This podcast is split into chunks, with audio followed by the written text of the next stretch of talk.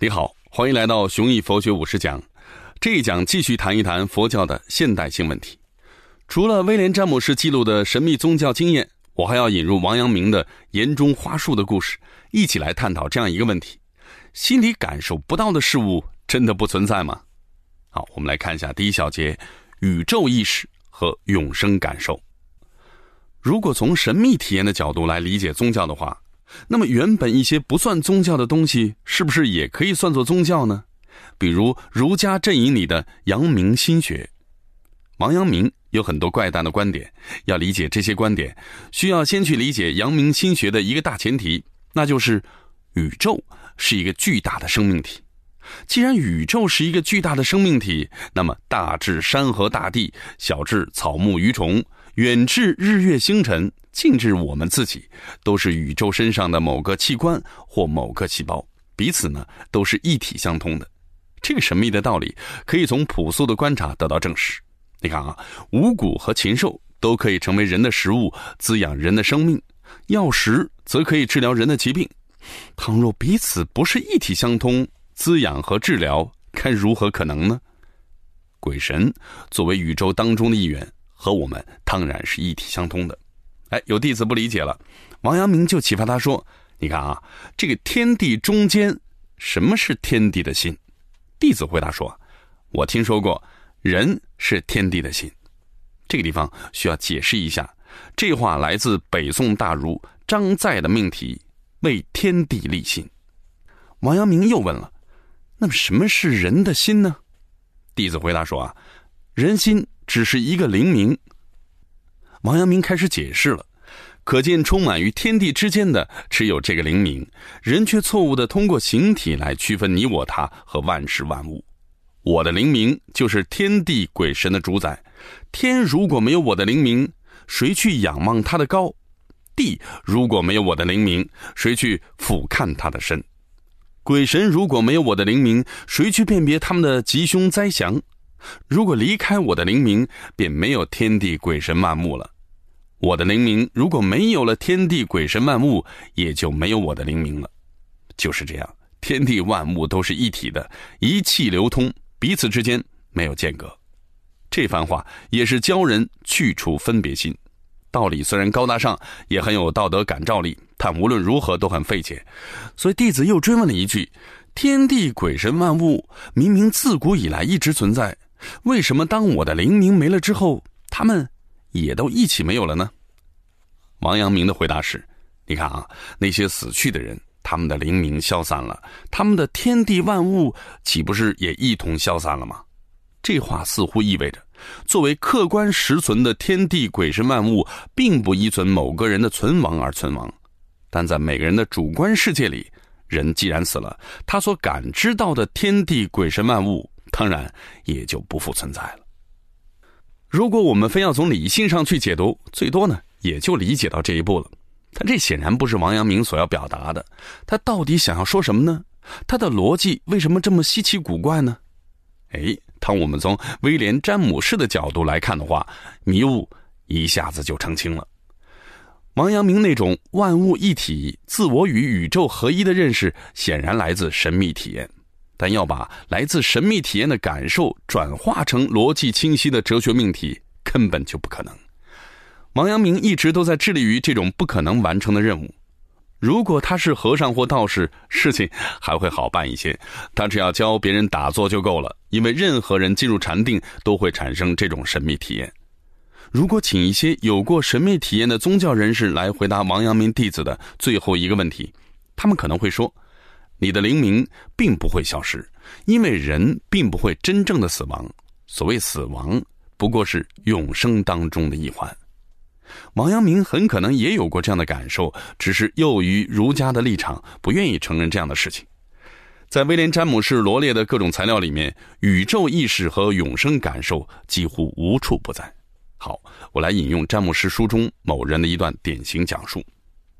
我和两个朋友讨论诗歌和哲学，直到半夜才告别。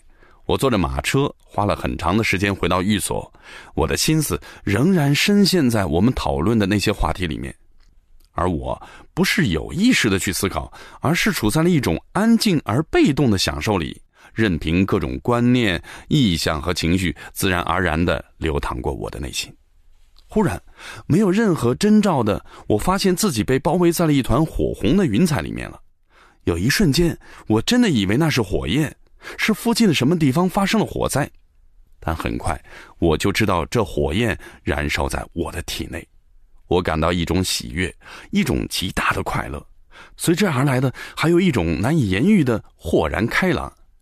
我有了一种顿悟：宇宙不是由无生命的物质构成的，而是一种活生生的存在。我感到了永生，不，不是我相信有永生，而是我觉得我当时就是永生。我见到的一切人都是不死的，我见到宇宙是为了其中的每一份子的幸福而构成的。这场顿悟虽然只持续了几秒钟的时间，但我对他的记忆以及笃信不疑的心情，直到二十五年后的今天依然没有磨灭。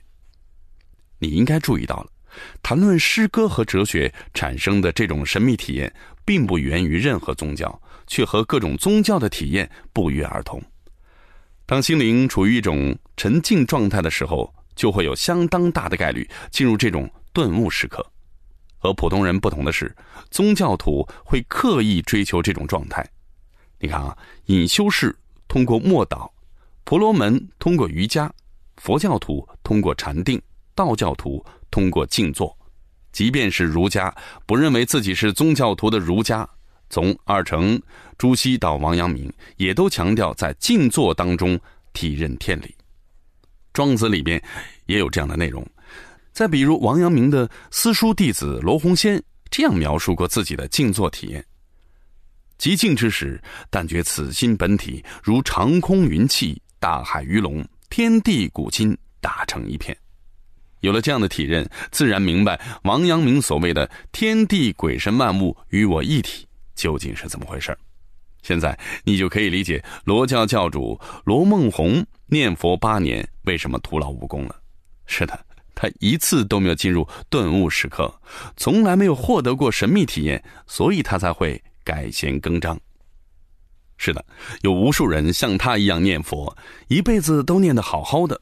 显然，念佛不会是一件又苦又没成效的事儿，否则坚持下来的人一定不会太多。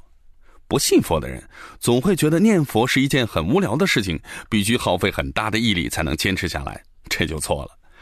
毅力是人类高度稀缺的东西。如果单靠毅力去做那些机械性的工作，比如日复一日、年复一年的在流水线上拧一个固定位置上的螺丝钉，这会把人逼疯，会导致马克思所谓的人的异化。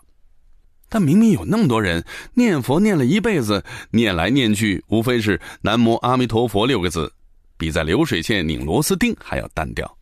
如果只有少数人做到了，你可以说他们天赋异禀、毅力非凡；但如果有那么多人都做到了，那就绝对不可能是毅力的缘故，一定是有什么事情使他们乐此不疲，或者说使他们上瘾。好，我们来看一下第二小节“岩中花树”。我们再来看一看著名的“岩中花树”的故事。在王阳明游南镇的时候，一位友人指着岩中花树问出了这样一个完全基于常识的问题：如果真的心外无物，那么这株在深山中自开自落的花树和我的心究竟是什么关系呢？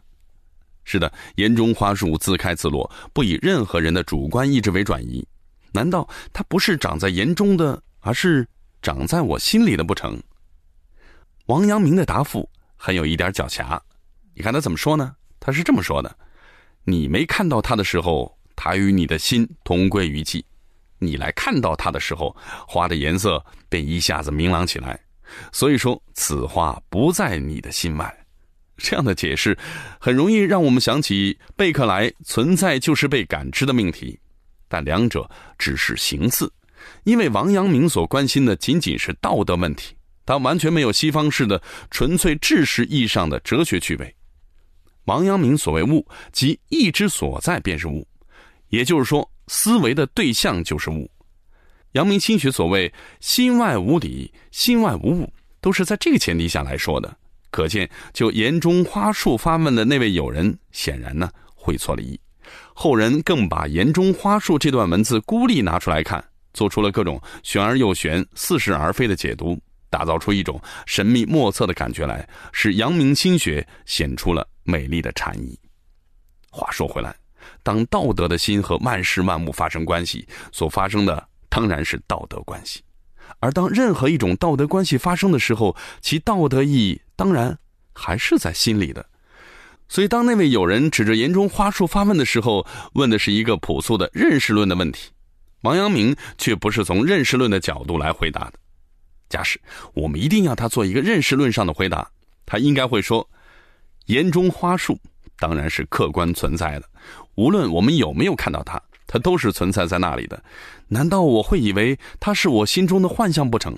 当然不，只有佛教才会那么讲。”但是，假如我们从神秘体验的角度来理解王阳明，最容易想到的就是他有过万物一体的体验。但一来说不清，二来他总想用儒家哲学的框架来解释这种体验，生怕误入佛教和道教的歧途。现代认知科学实验表明，这种神秘体验应该只是大脑神经系统的一种特殊状态，只是被不同文化背景的人赋予了不同的意义。这一讲呢，我们来简单复习一下。不管是詹姆士记录的神秘宗教体验，还是王阳明那些貌似奇谈的哲学，关键点是，他们不管披着怎样的外衣，归根结底都是大脑神经系统的一种特殊状态。好了，我们的思考题时间也到了。如果道理真是这样的话，那么药物会不会也能给人同样的体验，让人随吃随有，从此再也不用辛苦禅修了呢？宗教体验能不能摆脱宗教而独立存在呢？这个问题你怎么看？欢迎留言区里面留下你的思考。下一讲我们继续来谈佛学的现代性问题：天人合一和一神教。